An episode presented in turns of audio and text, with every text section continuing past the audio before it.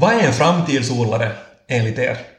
Ja, en framtidsodlare i min ålder så kan man väl tycka att man har framtiden bakom sig, men jag tror det har inte med det att göra direkt, utan en framtidsodlare är väl en odlare som, som hänger med som händer och, och under hela karriären har varit en, en person som har velat utveckla och, och, det här och engagera sig i saker och ting. Och, och jag tycker att det är en framtidsodlare. No, jag instämmer med Henrik, Henrik att det här en framtidsodlare, precis som han säger, han ska vara så att säga klart titta mot nya saker och, och det här han testa saker. Och det här sen ska ju förstås så den här utvecklingen bära frukt så att säga.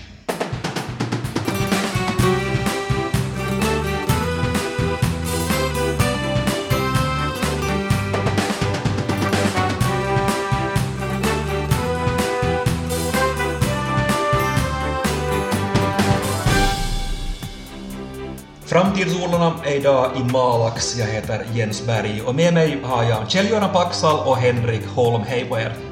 Hej! Hej! Vi ska tala idag mycket om ert innovativa koncept Västfarm, det ni har här. Men först tänkte jag att ni får presentera er lite grann för, för lyssnarna. Vi börjar med, med dig, Henrik. Vem är Henrik Holm? Jo, Henrik Holm är det här jordbrukare från Hirvlax, Nykarleby. Det här och där bor jag med min familj, frun Anna-Lena och barnen Ellen och Jakob och en hund. Ja, det här har jobbat i jordbruksbranschen egentligen hela mitt liv men att ska vi säga som, som heltidsbonde har jag varit sedan jag kom ur militären på 1987 så att där började jag vara en 35 år i alla fall och egentligen inte jobbat med riktigt mycket annat under den tiden. Och den här gården, hemgården tog jag över första, första 1995 samma dag som Finland gick med i EU. Mm.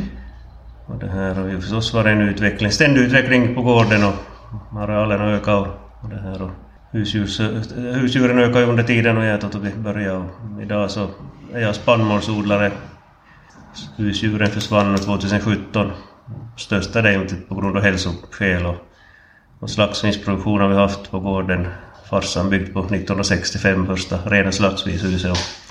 Så att det har varit en lång tradition med, med grisar på mm. vår gård. Och idag som sagt spannmål och en litet, liten bisyssla har jag med lite försäljningsuppgifter och så. Och, och, och, och vägen fram till, till, till delägande i Västfarm då, hur, hur, hur har den sett ut för dig Henrik?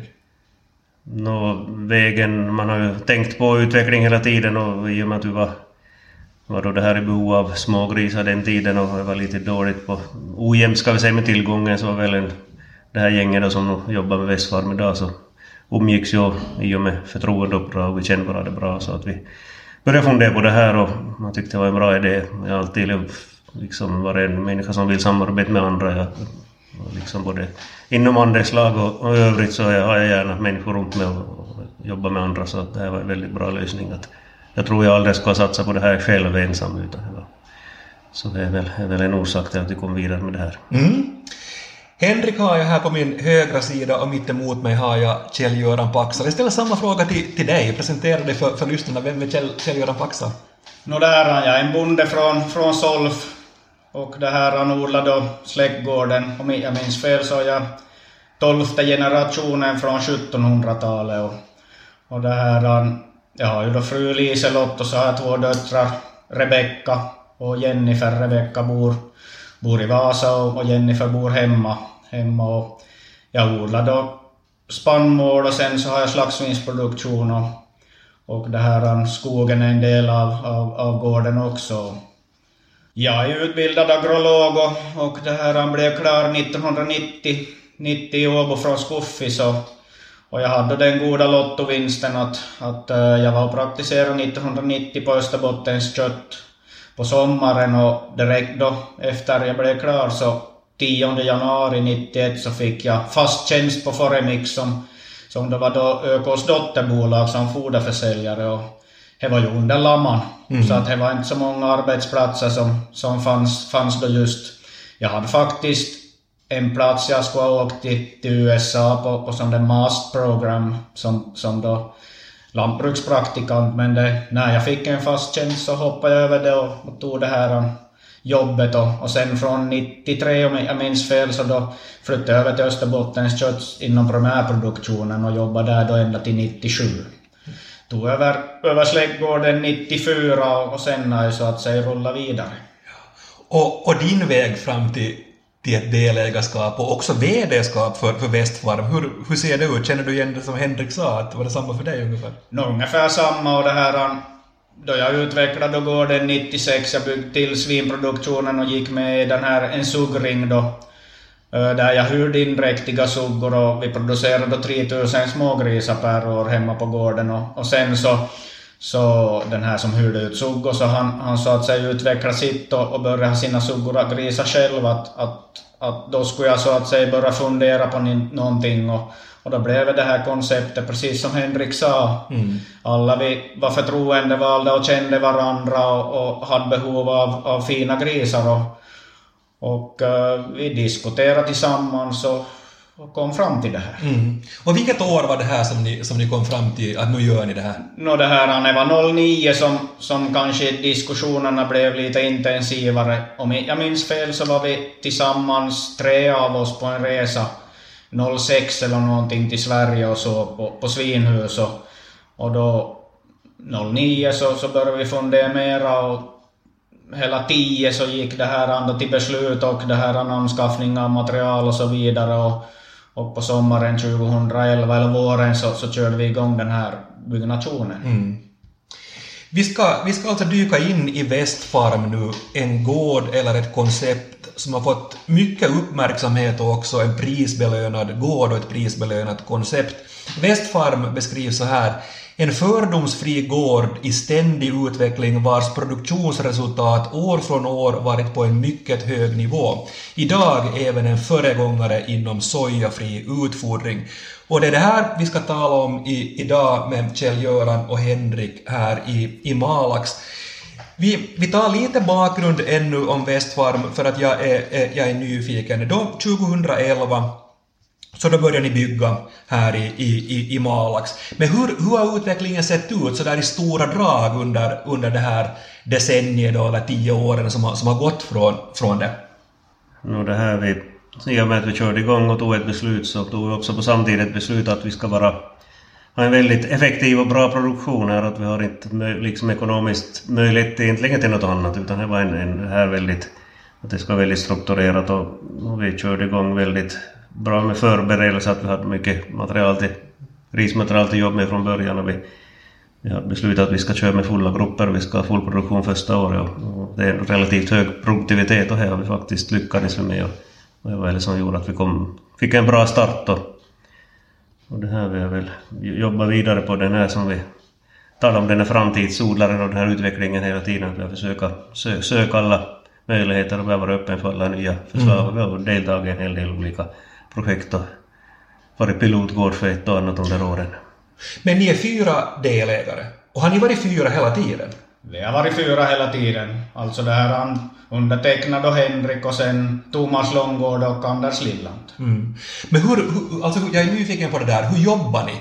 Är ni har ni uppdelat då arbetsuppgifterna så att du exempelvis sköter det här och Henrik sköter det här och Thomas sköter det här, eller hur, hur ser det ut? No där vi har då uppdelade arbets, eller inte arbets utan ansvarsområden, så till exempel då Henrik sköter, sköter enbart personalen, han köper, sköter en del inköp och sen Anders så sköter allt med, med betalningar, bankärenden, försäkringar, bokföring och så vidare. Kontakter med bok, vår bokförare. Mm. Och sen så, så Thomas har då så att säga mera fastighetssidan och han sköter också mera uppvärmningen. Och sen så, så undertecknad och så sköter mera det här tekniska, mm. tekniska sidan, reparationer och så vidare. Det här är väldigt viktigt gentemot personalen också, att, att de vet exakt när det är någonting som är problematiskt. De vet exakt vem, vem de ska kontakta. Mm. Och, och idag är det fyra stycken som, som jobbar, jobbar här? Jo, vi har fyra anställda haft egentligen från början. Och och det här, vi har ju, deltar ju delägarna direkt i det praktiska svinskötseln utan vi har ju personalen som mm. sköter om djuren och så har vi ständig kontakt med, med möten och veckomöten och övriga diskussioner förstås hela tiden. Och, och där fungerar väldigt bra och vi det här har en väldigt duktig personal och har haft under åren och lyckats så är ju en förutsättning att man, man har en bra personal och har en väldigt bra kontakt med sin personal. En hög produktivitet äh, säger ni. Vad betyder det? Alltså hur många, hur många smågrisar per år om jag tar det som, som måttstock? No, det här idag så ligger väl kring strax under 34, kring 34 sålda grisar per sugga år. Och, och vi har ju också fått fått genom åren. Vi har haft en väldigt stabil produktivitet och vi har ju pratat om att vi fått ett pris här och för det utvecklingen att vi har också haft under åren en del diplom på skåpet här som, för den här produktiviteten och vi har lyckats vara säg, i topp i Finland så inom material som, som, nu, som vi nu mäter oss med förstås. Det här. Ja, det här till exempel eh, Jens frågade här om uppstarten och jag minns än idag att det här på, tror jag var början på på tio som, som vi funderade på det här och då gjorde jag en del stresskalkyler. Alltså vad, vad måste vi ligga på för, för produktivitet för att klara det här. Och för att vi har ju ingen så att säga referensmängd. För referensmängden för, för nordliga stödet så sattes ju, om jag minns fel, 07. Och jag minns än idag när jag sände ut det här på e-post så, så ringde Anders åt mig och, och sa att det här, det här var nog lite knapert. Och då visste vi ju redan att, att vi ska ha hög produktivitet. Och så ska vi genast få igång produktionen för att det här ska funka och få ett kassaflöde så att säga. Och det lyckas vi. Precis som Henrik sa, vi hade otroligt mycket gyltmaterial. Vi till och med hade för mycket här som skulle börja grisa i början och, och, och det här. Genast så började vi sälja så att säga nästan fulla grupper med smågrisar vad vi så att säga hade planerat. Och efter det så att säga så, så ökar vi och ökar. Jag tror att första året så sålde vi kanske 27 smågrisar per suggår enbart med gyltor, vilket är väldigt bra. Mm. Och det här, sen så har jag rullat på det här är väldigt viktigt, att man så att säga får kassaflöde i ett, i ett nytt, nytt det här stall man bygger. Mm. Om utvecklingen ännu, Henrik, vilka faktorer eller vilka milstolpar skulle du vilja lyfta fram under, under de tio åren så här i övrigt? No, det är ju förstås den egna utvecklingen att vi har haft höga målsättningar men då speciellt som vi var, har varit, som jag sa tidigare, pilotgårdar för en del projekt och det här första projektet som kom igång för det började väl bara fyra år sedan snart. då. så gäller det här antibiotikafria produktionen och, och där var vi pilotgård åt, åt Atria också. Det här och det betyder att vi, vi det här har en antibiotikafri produktion genomgående hela kedjan och, och det här. Betyder inte heller att man inte skulle medicinera sjuka djur utan men då de djuren som var när de blir födda så får de ett öronmärke och, och under, om det händer under uppväxttiden då ända fram till slakt att den här djuret får antibiotika så klipps det märket bort och, och så behandlas det separat i slakten. Så att de, de grisar som går till slakt med, med det gröna öronmärket kvar så betyder att det är det är helt uppfödda utan antibiotika. Vi har ju en väldigt liten antibiotika Finland, användning i Finland så det här är ju ännu en, att bättra på ett bra läge ska vi säga men att det här tror jag att det är bra, bra utåt för konsumenten också. Mm. Det finns så skilda förpackningar har funnits inom gruppen som där. Så du kan köpa det här köttet så du vet att det vi ska nu se på några av de faktorer som har gjort att ert koncept beskrivs som den framtida modellen. Vi var inne på det antibiotikafria och nu i fokus så finns då sojan eller den bortlämnade sojan. Framtidsodlarna är idag i Malax. Jag diskuterar uppfödning av smågrisar med Kjell-Göran Paxal och Henrik Holm. Och det har ju under det senaste året, eller senaste åren, varit en ganska het diskussion om sojan som används som en del av djurfodret. Men kan ni för mig förklara var och hur odlar man soja? Nå, sojan odlas ju mest i, i Sydamerika och där som ni alla vet så, så är det väldigt mycket upp i medierna att man, man skövlar så att säga regnskog för att odla, odla soja. Mm. Så att det, sojan importeras från, från Sydamerika och globalt är det alltså då regnskogarna som är det stora problemet som skövlas för att odla soja som används i djurfoder. Men hur ser, hur ser det ut sådär generellt i Finland idag? Nu talar jag inte Västfarm då, men, men, men generellt, hur mycket soja används i produktion, i, om man tar svinproduktionen först i, i landet generellt? Nu ska vi säga att, att det här, vi har ju den, den goda saken här i, i, i Österbotten att, att sprittillverkningen i Koskenkorva ligger ju väldigt nära till. Och, Och faktiskt det här var ju någonting som, som kördes igång på 80-talet, alltså man, man körde igång sprittillverkningen. Det kommer en biprodukt som innehåller väldigt mycket proteiner. Och den här så ska så att säga torkas, torkas för att man ska få det så att säga i en sån form att man kan använda torrt ute på gårdarna. Mm. Och det här Per Gustav Lindo som, som var inom, inom Österbottens kött så, så tyckte det här var konstigt och, och tog kontakt att, att vi kan faktiskt använda det här ute på gårdarna i blöt form.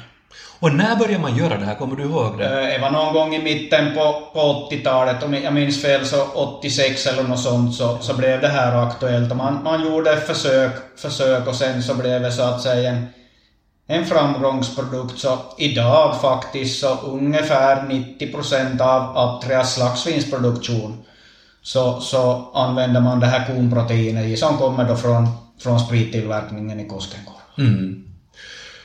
Så sojan, sojan då i fokus och den har ni plockat bort helt och hållet här nu i ett pilotprojekt på, på Västfarm. Varför fattade ni det beslutet? Alltså hur, hur, hur gick det till? Satt ni fyra delägare och, och grunnade och funderade att hej sablar, nu gör vi det här?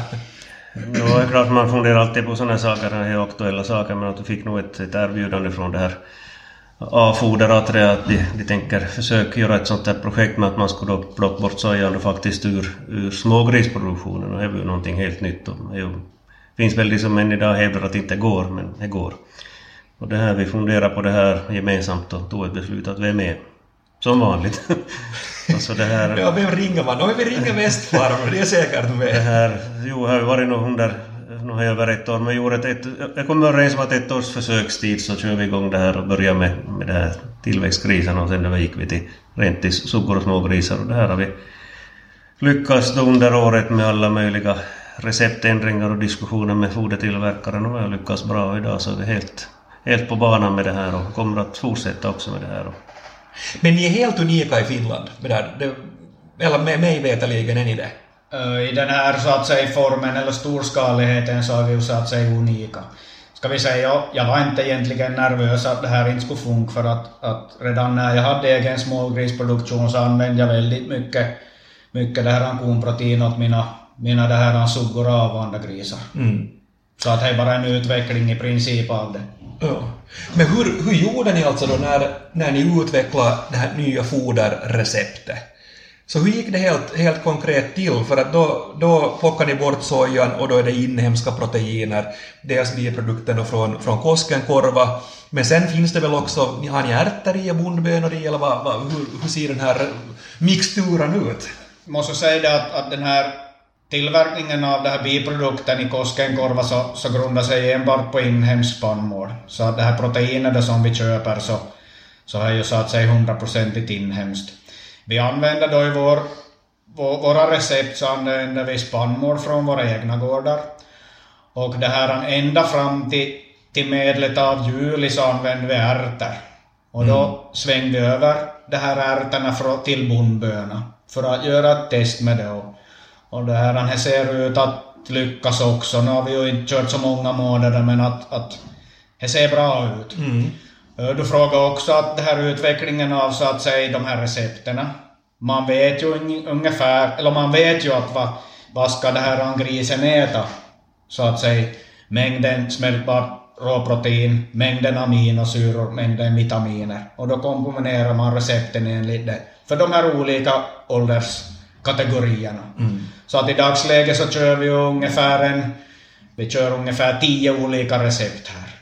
Är de hemliga? Är det sådär att ni har patent på dem, att det här är Westfarms recept? Vi har inte patent på dem, men att, att det här, vi har ju varit med och utvecklat dem och, och inte har vi ju sagt att inte andra gårdar får använda den för att vi ser ju att det här är så att säga positivt för framtiden mm. för, för det här röda köttet och svinköttet. Mm. Men hur, hur är det jag som inte riktigt har koll nu på, på, på odlingen av, av ärtor och, och bondbönor i, i Finland, odlas det tillräckligt för att man liksom storskaligt skulle kunna, kunna använda sig av mera, av mera inhemska proteiner då i form av bondbönor och ärtor? Hur, hur ser det ut sådär generellt?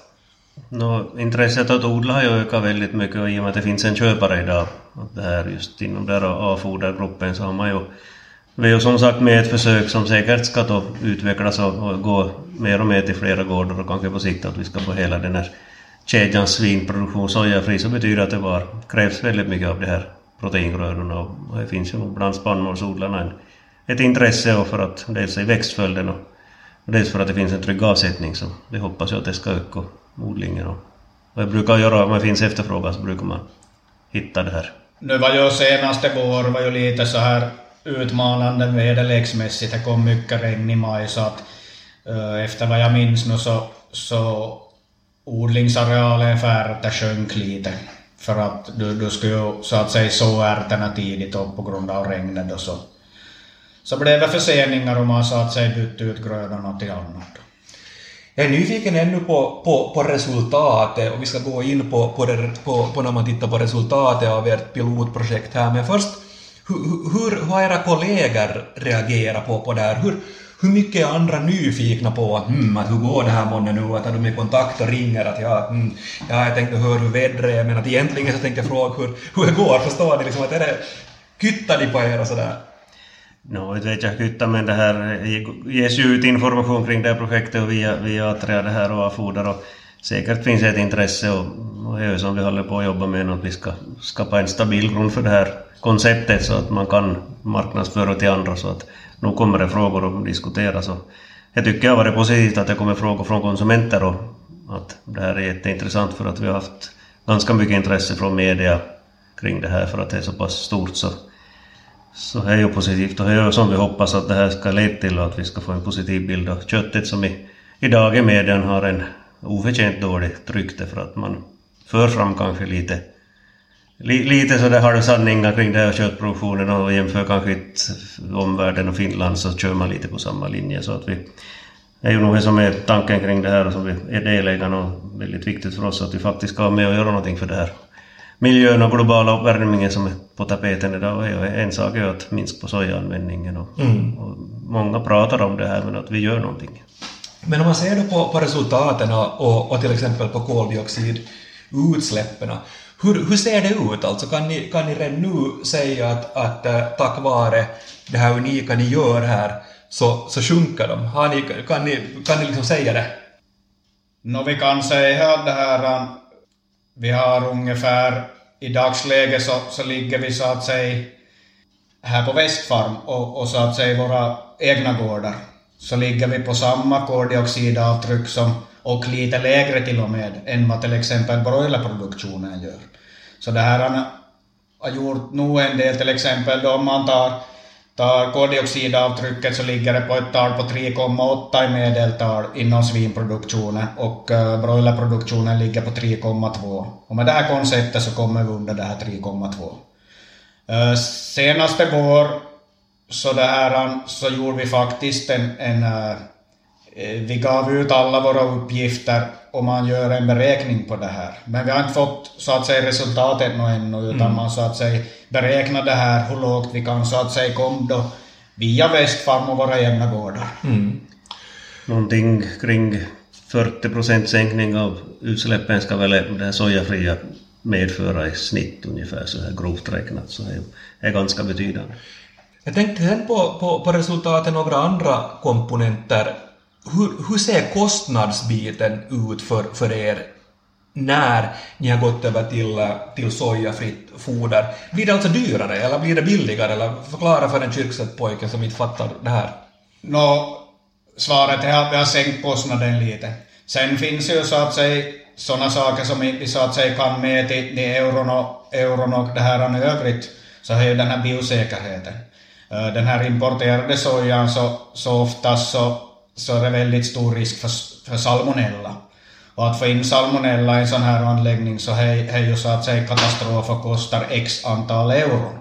Men med det här konceptet vi har idag så, så säkerställer vi oss ganska bra att no, vi är aldrig 100% säkra men att det enda vi köper in idag så är så att säga eh, spermadoser.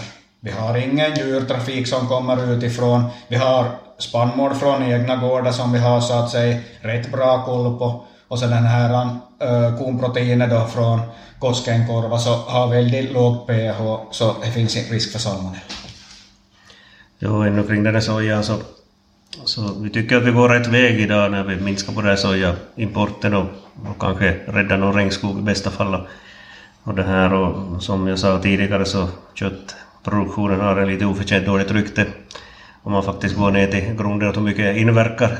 Speciellt i Finland och, och globalt också det här. Och, och, så vi har valt en annan väg här att ofta när du lämnar bort köttet från tallriken så ersätter du det med soja, andra importerade frukter, grönsaker inte alltid ens inhemska. Och, och det här tycker vi att här har vi valt en annan väg, att vi har valt bort sojan och hoppas att det här konsumenten ska ta det här till sig och förstå det här att man, vi, vi gör någonting för det här och, och som sagt vi, vi har gjort vår del åtminstone kring sojan och då, då ifrågasätter man ibland lite om man ska ersätta det här, då, det här köttet med, importerad soja så det, det är ett frågetecken för oss i alla fall. Så att i princip kan man ju säga att den här enheten då som som producerar 16 000 smågrisar varje år. Så använder mindre soja än en, en person som har valt bort, bort det här köttet och, och äter sojabiffar istället.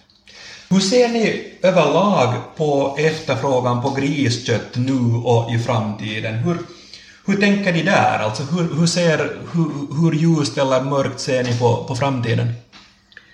No, det här som företagare i branschen så måste man ju på något sätt försöka se ljust på det här och och ja, det här, vi har ju en liten minskning på konsumtionen i Finland, men ser vi globalt så, så tror jag klart att den här trenden med minskad köttkonsumtion sprider sig, men vi har ännu många länder också där köttkonsumtionen kanske ökar och folk får råd att konsumera mera och jag tror att den här den här globala marknaden så kommer nog att finnas kvar ganska länge och där har ju Finland en väldigt stor, borde ha en väldigt stor trumf på hand med, i och med vårt klimat och vår djur, djurvälfärd. Och så att nog tror jag att det finns, en, finns det här en, en framtid i den här branschen, men det är klart att vi möter den här diskussionen kring, kring det här kött, kött som vi har redan idag. Mm. Att man, man minskar, och jag vill minska i Finland några procent senaste år, köttkonsumtionen, så inte dramatikigt, men att, trenden är kanske så, men att med det här vi gör nu, som vi jobbar med hela tiden, så försöker vi att svänga den där trenden och, och som sagt hoppas att konsumenten ska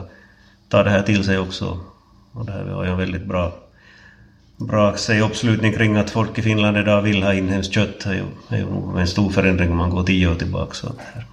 Så på sätt är det positivt, men att det är ju den här, den här drevet som jag brukar kalla kring det här antikött som har varit, varit ett bekymmer och som baserar sig ofta på kanske inte så sakliga mm. argument och kanske kortsiktiga argument. Så att det är ju, det är ju vårt hot förstås idag. Men att, jag tror nog att vi ska vi bibehåller den. Kanske kommer ner till en viss nivå men att jag tror att det, det stannar stannar och sen... Hur ser du, Kjell-Göran, på, på utmaningar? Om jag ställer frågan, frågan till, till dig också. Vilka är de största utmaningarna ser du då? Ska vi säga de största utmaningarna är nog kanske att, att vi ska få ut våra kostnader. Kostnader, vi har ju, eh, jag kan säga otroligt mycket så att säga extra kostnader som man inte har i övriga världen, förutom Sverige kanske. Till exempel utkrav, vi har så att säga eh, uppföljningskrav och sånt som, som kostar pengar och som vi får så att säga konsumenten att betala. Men att precis som Henrik nämnde om att till exempel eh, den här fördelen då med, med, med, som vi har i Finland, våra grisar mår bra och så vidare, så effekten av det att sälja på export så, så kommer säkert med tiden att, att eh, visa någonting, att det finns ett mervärde i det här. Men allting som vi gör så att säga extra utöver kanske då Sydeuropa så det kostar pengar för oss så vi borde få ut det på något vis. Jo, det här Kjell-Göran nämnde att, att konsumenterna är inte beredda att betala. Jag tror att konsumenten är beredd att betala i Finland idag men att de får inte möjlighet. För att handeln styr det här väldigt hårt idag. Med, med vi, vi, vi behöver bara se på dag, dagens tidning och, och annonserna så billigt, billigare än billigast. Och där har man tappat helt det här intresset av kvalitet. Att man, man konkurrerar med pris och, och då lider kvaliteten ofta så att jag tror att skulle vi faktiskt få det här handeln i Finland att förstå det här vad vi producerar här och faktiskt så tror jag nog att konsumenten är beredd att betala lite mer för inhemskt för att vi har nog en så stor fördel i alla fall med att vi har hamnat in på lite olyckligt spår i Finland då gäller det här så att om man ser på ekonomin i produktionen och från man har varit med i 30 år i branschen så kan man nog säga att den är katastrofal idag jämfört med vad vi hade när vi började på 95. Så att Tyvärr Ja, så. alla övriga kostnader stiger hela tiden och om man tittar på producentpriset på slaktsvinskött så, eller på svinkött så är en ganska, ganska rak kurva. Och den har hållit så alltså i princip hela 2000-talet. Yes. När det här avsnittet sänds så närmar vi oss jul. Och hur stor del av den inhemska konsumtionen av griskött så, så sker runt jul? No, jag kan inte svara på exakta, exakta procenten där men att, att det är ju klart att man börjar lagra upp eh, till exempel julskinkorna ungefär i maj för att man ska klara det här, den här julhandeln och, och, och, och julskinkorna. Så att det, det är nog en väldigt betydande, betydande månad. Både det här då, slutet av november och, och, och december. Hur ser ert julbord ut? Så länge jag minns tillbaka så har det funnits en, en, det här, en, en gråsaltad skinka som har varit länge i ugnen på låg temperatur och som alltid varit lika god år från år. Helst så vill jag idag att den ska vara, komma från de grisarna vi producerar själva, att det ska vara trerasgrisar så att få det här riktigt saftiga fina köttet som vi, vi har inom maträgruppen idag. Så det här så är nog ett, ett sånt här traditionellt och det kommer jag nog inte lämna åtminstone. Men den ska in i ugnen 23 december då? På kvällen ska den in och så tar man ett vinglas och sätter man in skinkan där vid ett, ett, ett tiden och så sitter man och tittar på den i åtta timmar. Nej, man vilar lite emellan men så tidigt upp på morgonen och tar ut skinkan och så är den här proceduren. Så Ja. Det är det som är halva julen liksom. Och det tror jag för många finländare att det är väldigt viktigt där. Så att där i, det skedet när det kommer till jul så är det nog väldigt mycket som vill fortsättningsvis konsumera en riktig julskinka. Men ska det vara, ska det vara senap och ärtor med, med skinkan sen då, eller, eller hur, ska den, hur ska den ätas sen på, på julbordet ditt? Ja, no det är ju upp det ena bara. Det är ju potatis och såser och saker som man har då. Det är inte så mycket speciellt med hemma. Är Köttet som är kinkon kunko brukar man säga. Så där, att, det, är skinkan som är hu- huvudmålet och den, den smakar bra. Och Kjell-Görans julbord? Nå exakt som Henrik säger här, att vi har ju en gråsaltad skinka då som, som är från, från det här egna grisa träras korsningen och sen, sen det här gör vi precis som Henrik. Att vi sätter in han på kvällen och tar ut han på julafton morgon. Och, Och vinglas är samma. Nå, jag dricker inte nå mycket vin jag inte. Jag blir så jäkla sömnig så jag måste stå över det. Sen så, så har vi ju möjlighet som, som producenter att vi får ta så att säga köttåtertag av egna grisar. Och de skinkorna brukar jag för faktiskt till, till lokala köttrökeriet. Faktiskt här i grannskapet Herrgårds... Eller vi kallar den för Rökari. Rökarin. Ja. Och det här... Och de tar vi hem då så, så har vi och där det här julbordet av det här och faktiskt de här bitarna då så får man så att säga vakuumförpacka då. Här brukar vi faktiskt ge, ge som julklapp åt vänner och bekanta. De ska få också smaka av det här goda köttet som, som vi producerar från Västfarm och egna gårdar. Ja, en, sak som jag faktiskt glömde bort också är en annan skinka för att jag, ska- jag ska ha två skinkor på julbordet och, och det är det här, just den här rökta som Kjell-Göran nämnde att det finns en tradition hemma hos oss att det här att ända från att ÖK slaktade i Vasa och, och tillverkade här Vasaskinkan. Så den har alltid funnits hos oss och, och den köper jag också. Kanske inte någon annan tycker jag skulle bo köpa den för att jag tycker jag skulle räcka med det andra men jag, jag, jag ska ha en sån här Vasaskinka också. En äk, äkta Vasaskinka också, en rökt på, på det här. Komplement. Och skulle jag få välja så, så skulle inte vara någon lutfisk. Jag minns när jag var liten, kanske 6-7 år och, och min, min pappa sa att du måste äta lutfisk, julen till. Nå, jag skulle ju äta men jag satt ketchup på. Okej. Och det är liksom inget recept du rekommenderar för lyssnarna här nu. Nej. Oj, oj. Tack Kjell-Göran och Henrik för att jag fick besöka er här i, i, i Malax idag. Och tack för att du har lyssnat på Framtidsodlarna. I 20 avsnitt har jag haft äran att träffa kreativa och innovativa odlare runt omkring i hela Svenskfinland. Målet har varit att försöka beskriva hur det framtida lant och skogsbruket kanske kommer att se ut en dag i Finland. Mycket har vi hunnit tala om i den här serien, men många berättelser finns fortfarande oberättade. Kanske vi återkommer med en tredje säsong om en tid, det får framtiden utvisa. Tack för all respons, den värmer. Mitt namn är Jens Berg.